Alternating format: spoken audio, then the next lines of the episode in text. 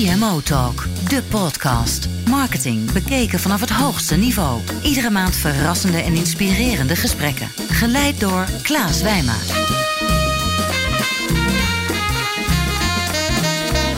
Welkom bij CMO Talk. Ik ben Klaas Wijma van Energize en mijn gast vandaag in de studio is Marcel de Groot. Marcel is directeur consumentenmarkt bij Vodafone Ziggo.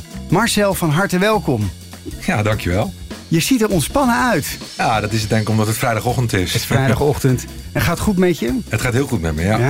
Heb je het naar je zin bij Vodafone Ziggo? Het is een fantastische kans. Dus eh, ja, ik heb het heel erg naar mijn zin. Ik ga je er straks alles over vragen, Marcel.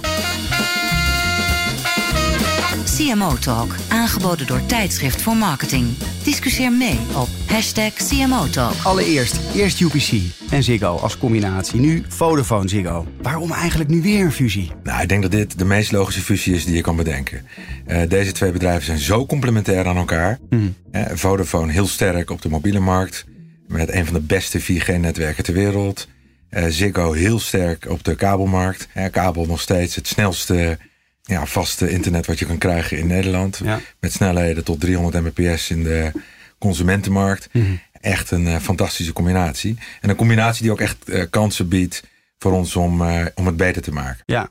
En toch, hè, als je dan een beetje op internet kijkt, hè, in voorbereiding naar het interview, mensen maken zich ook echt serieus zorgen over die enorme grote fusiegolf die in Nederland sprake is. Hè, met name Nederlandse televisie en telecommarkt. Wat is jouw boodschap aan die klanten? Wat gaan ze ervan merken? Nou, ik denk dat het vooral goed is dat eh, bedrijven zoals Vodafone en Ziggo bij elkaar komen. Hm. Omdat onze slagkracht en onze innovatiekracht alleen maar beter wordt. Kijk, als je nadenkt over wat wij doen, dat is gewoon eigenlijk hartstikke belangrijk. Dus wat we doen, doet er echt toe. Jij moet je maar eens voorstellen dat je een week zonder mobiel en zonder vast internet en zonder tv komt te zitten. Heerlijk, rust. nou, ik denk niet dat iedereen dat met je Nee, eens is. Dus wat we echt zien, Ja. is dat mensen steeds meer behoefte hebben om of dat, of dat nou onderweg, thuis of op het werk is, Mhm. maar om altijd en overal bereikbaar te zijn, content te gebruiken, te communiceren met elkaar. En dat is echt een hele basale need geworden van onze maatschappij. Dus als dat wegvalt, heb je wel echt een heel groot ding. Dus het feit dat twee van dit soort bedrijven bij elkaar komen, de krachten bundelen, nog meer power hebben om te investeren, Ja. ja, is natuurlijk uiteindelijk alleen maar goed. Daar win je mee. Als, eh, daar wordt de klant beter van. Ja, en, en dat, dat klinkt echt als een fantastisch verhaal natuurlijk, ook voor het jaarverslag. Maar ik ben klant, hè. Ik, ben gewoon, ik ben echt een serieus klant, zowel bij beide merken. Dat hadden we natuurlijk van tevoren even gecheckt. Dat hadden we wel even gecheckt natuurlijk. Ik kan me zo voorstellen, gewoon, ja, weet je, die prijzen die eh, wordt dan wel lastiger. Minder concurrentie op de markt. Alleen nog maar de grote groene reus en nu Vodafone Ziggo. Eh, Gaan we dat merken in, in nieuwe proposities die er aankomen? Vertel eens. Nou, het eerste wat ik wil zeggen is dat als je kijkt naar eh het afgelopen jaren in telecom, dat, dat er echt helemaal geen sprake is van minder competitie. Hmm. En ook niet sinds het samengaan van Vodafone met Ziggo. Sterker nog, ik zou zeggen, durven stellen dat de competitie is toegenomen en dat de prijzen over de hele linie dalen. Hmm. Dus als klant profiteer je daarvan, dat is het eerste. Ja. En het tweede is dat wij natuurlijk hele mooie dingen gaan doen.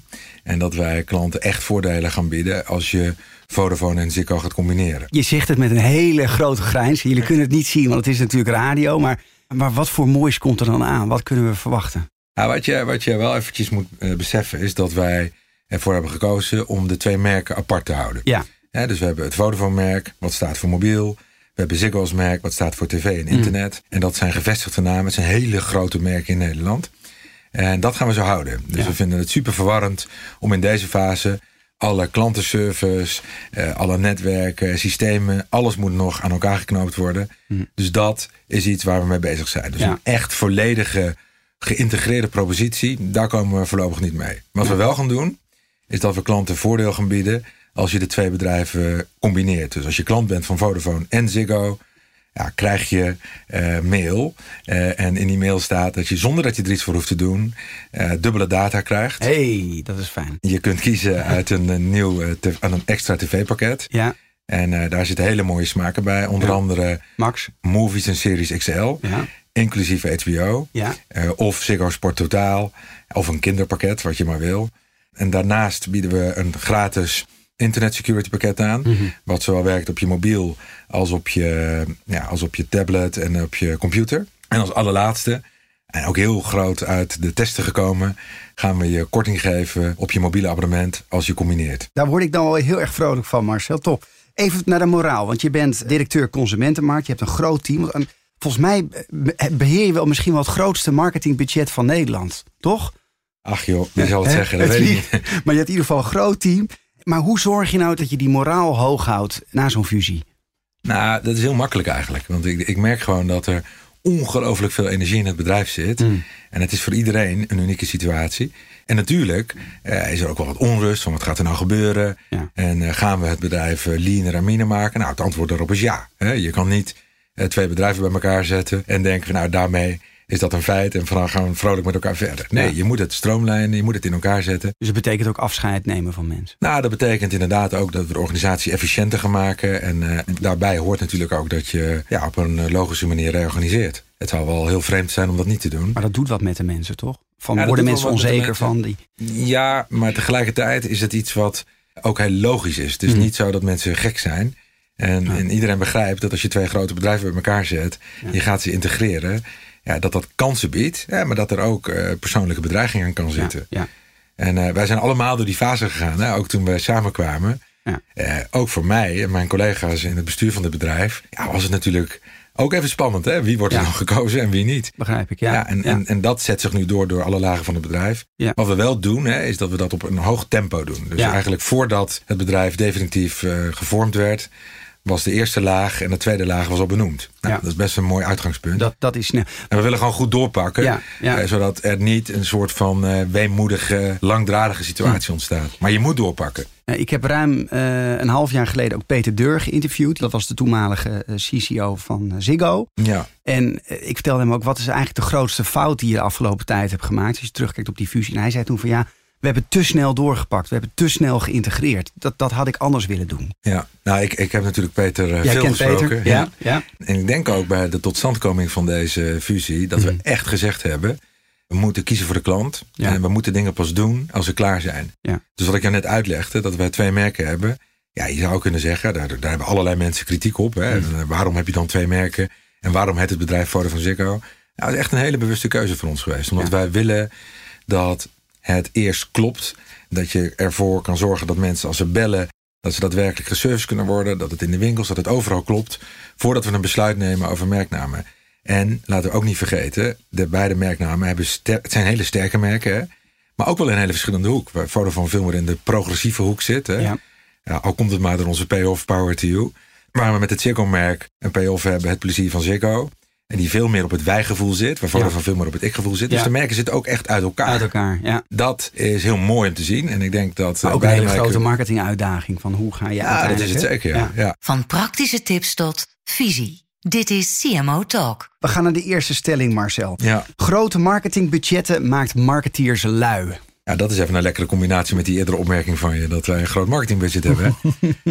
ja, weet je, ik, ik denk het niet. Ik denk, ik denk dat grote marketingbudgetten uh, uiteraard, uh, die zijn natuurlijk een functie van hoe groot je bedrijf is. Mm. En, en, dat is het eerste. Maar het tweede is dat grote marketingbudgetten je ook de mogelijkheid geven om de capabilities te bouwen die bij deze tijd horen. En dan denk ik vooral aan digital. Uh, ik denk dat wij als industrie, we zijn natuurlijk het voorfront van digital. Hè. Ik, ik heb vijf jaar geleden grappend gezegd, ja, wie gaat er nou in godsnaam nog naar zijn computer om zijn bankzaken te regelen? Nou, als je nu ziet hoeveel mensen hun bank-app raadplegen, om de dag wordt, wordt dat geraadpleegd. Er kijken meer dan uh, eh, 7 miljoen mensen naar gebruiken hun mobiel om naar YouTube te kijken. Zo, de, dus de statistieken zijn waanzinnig. Dus ja, om even terug te gaan naar je vraag. grote marketingbudgetten, maken marketeers lui. Nee, ik denk het niet. Goede capabilities bouwen. zorgen dat je inspeelt op dat wat op dit moment belangrijk is. Echt investeren in digital, in data management platformen zien wat klanten doen. Uh, en, en zorgen dat je, ja, dat je klanten niet verveelt. Dat je de juiste permissies krijgt.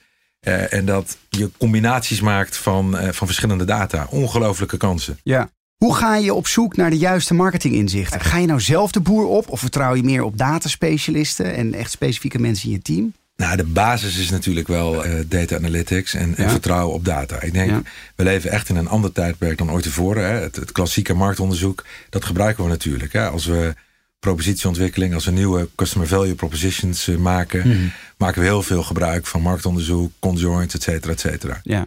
Maar de basis is toch wel echt aan het veranderen omdat je veel meer kan zien wat mensen één op één doen. En, en vooral eh, in onze industrie ja, hebben we onwijs veel inzicht in, in wat mensen daadwerkelijk aan het doen zijn. Daar maken we heel veel gebruik van. Hmm. En er zijn ook wel echt hele interessante feiten daar. Hè? Als je kijkt naar. eh, nou, als je kijkt, ik, ik zat er gisteren toevallig eens naar te kijken. Bijna 90% van Nederland heeft inmiddels een smartphone. Ja, Ja, dat is echt ongekend een hoog. smartphone. Dus niet Ja. gewoon een ma- echt een smartphone. Nee, en, en het gebruik daarvan is echt waanzinnig. Dus 3 miljoen mensen hè, zitten, op, eh, ja, zitten zeer geregeld eh, Netflix te kijken op hun smartphone. En niet, niet alleen maar op hun tv. Dat betekent dat ze onderweg zijn. Dat vereist natuurlijk wel wat voor jullie infra. Het gebruik van data neemt ieder jaar met zo'n 50 tot 60 procent nog toe. 50 tot 60 Ja, procent. ja, dus dat- en dat betekent dus ook dat het investeren in die netwerken, Ja. zowel thuis, hè, dus de vaste infrastructuur, maar ook on the go, eh, 4G en straks 5G, Hmm. is ongelooflijk belangrijk om daarbij gaat te dat, kunnen wanneer gaat dat komen, 5G? Nou, dat duurt nog even. dat duurt nog eventjes. Ja. Doen we nog wel een keer een interview, ja? Doen we zeker. Jullie werken op Europees niveau met een big data center. Vertel eens, dat, dat klinkt voor mij toch wel heel erg ja, abstract. Eh, neem eens mee, wat gebeurt daar precies? Nou, wat wij bedacht hebben, is dat, het, eh, dat big data, en vooral in deze industrie, we hebben Mhm. natuurlijk ongelooflijk, onze grootste asset zijn hele grote klantenbases. Hè? We, hebben, Mhm. we hebben wereldwijd bijna 500 eh, miljoen klanten, dat is best een boel. Ja. En met consent van die klanten, dus met toest- expliciete toestemming van klanten, kunnen we echt heel veel informatie eh, analyseren, gebruiken en terugspelen aan klanten. Zo hebben we bijvoorbeeld een app die we in Italië hebben gelanceerd. Waarin we eigenlijk een heleboel dingen kunnen zien. Ook over de kwaliteit van jouw smartphone. We kunnen zien of je er de juiste software op hebt staan. We kunnen zien hoe de smartphone zich gedraagt. We kunnen ook eigenlijk zien of die bijna kapot gaat. En het mooie is dat je dan op een redelijk klantgerichte manier, niet redelijk, op een super klantgerichte manier, naar de klant toe gaat en zeg je, joh, een sms'je sturen. Nou, we zien toch dat de kwaliteit van je toeslag eruit loopt. Wordt het niet eens tijd om eh, naar een winkel te gaan en je te laten adviseren of ernaar te laten kijken? Ja. En zo zijn er tal van toepassingen. Dus waar we, waar we echt op internationaal niveau zwaar op in hebben gezet, is big data, zoals dat heet. Mhm. wij, wij noemen het in Nederland gewoon eh, toegepaste analyse. Ja, precies. Advanced analytics. net Ja. Maar dat is echt wel, denk ik, de toekomst van deze industrie. Hm. Eh, dus heel veel assets met toestemming van klanten heel relevant kunnen zijn. En ja, dat, dat lijkt ons fantastisch. Ja. Die toestemming van klanten. Ik hoorde laatst ook, of las ik over een onderzoek, dat het grote gedeelte, ook juristen, vaak niet eens de voorwaarden lezen hè, voor toestemming. Dus je krijgt van tevoren bijvoorbeeld op Facebook of, of, of eh, als je aan het googelen bent, moet je even akkoord geven met de voorwaarden. Ook al zijn ze heel goed geschreven, mensen klikken toch wel op ja. Hoe expliciet zijn mensen echt bewust van dat? Nou, eh, wat jij net zegt, dat herken ik. Hè? En Ja. en ik, denk, ik denk alleen dat wij zeer expliciet, als we dus data gaan verzamelen op, individueel, op individueel niveau, dan, dan gaan we jou expliciet om toestemming vragen. Bijvoorbeeld door het downloaden van een app. Ja, Eh, wat ik, het voorbeeld wat ik net gaf in Italië, een NetPerform app. Zien wij hoe het netwerk performt, kunnen we het netwerk verbeteren, al naar gelang waar jouw smartphone is. Zien Ja. we dat jij geen goede in-huisdekking hebt, gaan we je aanraden om je voice over wifi aan te zetten. Hè? Ja. Waardoor je je thuisnetwerk gebruikt om je calls eh, te doen. te doen. Mooie opmaat voor de tweede stelling. Big data en privacy zijn elkaars grootste vijanden. Ja, dat ben ik dus niet met je eens. Nee? Ik denk dat als je big data doet op een manier zoals het hoort... Ja. en je toestemming vraagt van klanten... ja, dan gaat deze stelling helemaal niet op. En dan is het juist een kans om nog dichter bij elkaar te komen... en nog dichter bij de behoeften van de klant te gaan zitten. Dus Ja. ik denk dat het uiteindelijk iets is, als je dat goed doet... eh, dat je er als klant beter van wordt. Wat is daarin dan belangrijk? Dat je dus op het moment dat je die data dat je ook die toegevoegde waarde heel goed blijft uitleggen voor die klant. Want ik, Ja, er zijn ook wel nieuwe groepen die ontstaan. en zeggen, "Poeh, ik- hè, een mooi voorbeeld, Siri. Eh, tegenwoordig het ontwikkelt zich continu door van Apple. ja. En dan zit ik in een gesprek. En dan op een gegeven moment gaat Siri weer aan. Dus eigenlijk Apple is continu aan het meeluisteren. Want ik, ik, ik raak die telefoon, of die herkenbaar wellicht. Je raakt de iPad of telefoon niet eens aan. En opeens, bloep, ik kan deze oplossing niet voor u vinden. Mensen worden eh, beangstigd ook. Dus ik kan me wel voorstellen, ja, iedereen die grote techbedrijven die maar meeluisteren en doen om uiteindelijk hè, te zeggen, we, we serven ze beter. ja. Maar ja, waar, waar ligt die grens? Waar? Ja, Het zit een enorme verantwoordelijkheid bij de technologiebedrijven. Ja. En, en wij nemen dat zeer serieus Ja. als bedrijf. eh, om daar goed mee om te gaan. Het is natuurlijk niet zo dat jouw telefoon de hele tijd meeluistert. Wat je net zegt over Siri. Nee? dat lijkt me niet. Ik denk dat jij gewoon op de home button hebt gedrukt. Nee, dit is echt waar. Want als je hem instelt in, en je zegt... Je kan het hey- eruit zetten, hè? Ja, je kan het gelukkig... het- Maar als je het instelt als Hey Siri... Ja. Dan, dan, eh, ja, dan moet je je stem inspreken. En dan gaat hij automatisch aan. Zonder dat je je telefoon... Dat vind ik dus beangstigend. Maar goed, het gaat niet over mij. Het gaat over big data. Je zegt, ik ben totaal mee oneens. Gaan we naar de CEO. Ja. CEO Jeroen Hoenkamp. Half jaar geleden, volgens mij was het begin van het jaar. Die omschreef de situatie voorlopig in een prachtige video als business as usual. En daarna volgde ook een verhaal van hè, online. Dan krijg je merkanalytici die zeggen: hey, had het niet wat origineler gekund, hè, die naam Vodafone Ziggo? Nee, business as usual. Wat is de timeline? Wanneer gaan mensen echt concreet wat merken van die fusie? Je noemde net al een aantal voordelen. Wanneer gaan we het merken? Nou, ik wil eerst even ingaan op je eerste vraag. Ja. Dus uh, business as usual. Ja. En dat is natuurlijk zo. Ja. We, hebben, we hebben een heel groot bedrijf te managen. Ja. En met twee hele grote merken. Eigenlijk drie merken. Maar die twee hele grote Want die merken. derde is voor Hollands de- Nieuwe. Hollands Nieuwe, dank je. Maar Vodafone, Ziggo en Hollands Nieuwe. En op zichzelf staand eh, zijn dat hele grote merken die we goed moeten managen. Ja. En ik denk, de opmerking die Jeroen gemaakt heeft, is natuurlijk heel erg gericht op het feit dat wij de dienstverlening aan onze klanten op hoog niveau willen houden. En dat betekent, voorlopig is het business as usual. En gaan we niet eh, de twee merken aan elkaar knopen. Wat jij ook zei, hè, Vodafone Ziggo is ook niet de naam die we gebruiken Nee. in de markt. We gebruiken in de markt gebruiken we Vodafone Ziggo Ja. en Hollands Nieuwe. Ja. Vodafone Ziggo is de naam van het bedrijf. Dus als je bij ons op bezoek komt, dan zie je, zie het op de gevel. staan, eh, Vodafone Ziggo. ja, dat is net met hè, de, Volksbank. Exact. Of dat altijd zo blijft, Mm. ja, dat remains to be seen. Ja. Eh, Ik denk uiteindelijk dat wij eh, naar een eh, één merkstrategie zullen gaan. Ja. De timing daarvan is onbekend. Is onbekend. Die, eh, die, die weet ik gewoon nu nog echt niet. Nee. Maar ik vind het ook niet zo heel belangrijk op dit moment. Omdat ik denk dat wij, ja, wat ik al eerder tegen je zei, dat we fantastische voordelen gaan bieden. En dat die vanaf april, mei zeg maar in de markt zitten. Vanaf april, mei. Kijk, dat is fijn. En daar hebben we wel een heel, heel leuk ding voor bedacht. Ja. En, eh, wij zetten er een, een device tussen. Ja. eh, een visual device om te laten zien dat je non-stop voordelen kan krijgen als je Vodafone en Ziggo combineert. En dat non-stop visual device gaan we zeer groot eh, ja, in de markt zetten. Met een, met een hele grote campagne eh, zeer binnenkort. Spannend. Een mooie, dat is een mooie cliffhanger. Van praktische tips tot visie. Dit is CMO Talk. Even naar jouw persoon, eh, Marcel. Hoe word jij omschreven als eh, marketingbaas? Nou, ik denk dat ik eh, altijd oog heb voor de klant. Ik, ik doe ook wel rare dingen. Dus ik ga, in, Wat dan? eh, ik ga naar winkels toe. Ik ga naar callcenters toe. Om mee te luisteren. Dat zijn echt Ja. de dingen waardoor, waarmee ik echt raakvlak heb met, eh, met de klanten. Waardoor ik echt hoor wat er speelt. Dat is toch heel en goed om te dingen doen? mee kan terugnemen. Hè, als Ja. marketing. Ja, ik vind het juist heel goed. Ik vind het niet raar. Ik vind het goed. Ja. Ik besteed veel aandacht aan het drijven van de business. En echt zorgen dat marketing beter wordt. Mm. En ik, eh, een van de dingen die je wel kan stellen van, eh van telecom marketing en, en, en deze industrie. Mm. Is dat de echte gesegmenteerde aanpak nog moet komen. Ik denk, ik denk dat we uit een periode komen waarin er brede producten aan hele brede doelgroepen werden aangeboden. Ik denk eh, waar ik echt voor sta en wat, wat ik echt wil doen in de komende periode, is goed begrijpen wat zijn de klantsegmenten, wat zijn de barrières, wat zijn de needs. En op basis daarvan toch, toch tot eh, gesegmenteerde proposities Ja, te komen. Ja. En zeker in combinatie met het Vodafone en Ziggo, dus die twee merken samen, en dus vast en mobiel combineren, zijn er hele, hele leuke dingen denkbaar. Marcel, het is 2020. Wat wil je dan bereikt hebben? Nou, we hebben best wel hele ambitieuze doelstellingen. En ik denk eh, voor mij de belangrijkste doelstelling is onze klanttevredenheid, uitgedrukt in NPS, te verbeteren. Dat is namelijk gewoon nog niet goed genoeg. Ik denk, eh, we zijn natuurlijk twee hele grote merken. 99% van de gevallen gaat het goed, maar het moet gewoon in 100% van de gevallen goed gaan. En we moeten echt onze processen eh, verbeteren, zodat we de beloften die we aan onze klanten geven ook echt waarmaken. Ja. Dat is echt het eerste wat we moeten doen. En wat, wat voor NPS heb je dan eh, voor ogen? Heb je een soort van stip? Ja, ik denk, ik denk toch wel dat we naar een eh, zeer positief territorium moeten gaan. Dus een plus 20, plus 30. Hm. Ja. Hm. Eh, dat moet absoluut haalbaar zijn. En we moeten de lat. Kijk, wat wij vaak doen, is dat we onszelf vergelijken met onze concurrenten in de markt. En dat is denk ik een soort basisfout. Ja. Je moet je vergelijken met bedrijven waarvan je denkt, ja, dat is echt gaaf. Daar Ja. word ik allemaal blij van. En wie Waarom, is- en wie is dat waarom dan? kunnen we dat niet? Wie, wie, wat, wat is nou een bedrijf waar jij helemaal blij van wordt? Nou, waar ik helemaal blij van word, is, Ja. eh, is de manier waarop eh Coolblue zijn marketing doet. Eh, de, de leuke tweak, de kwinkslag die er in het bedrijf zit. Je, wordt- je hebt gewoon zin om daar wat te kopen. En, Ja. en ik doe dat helaas ook vaak. Ja.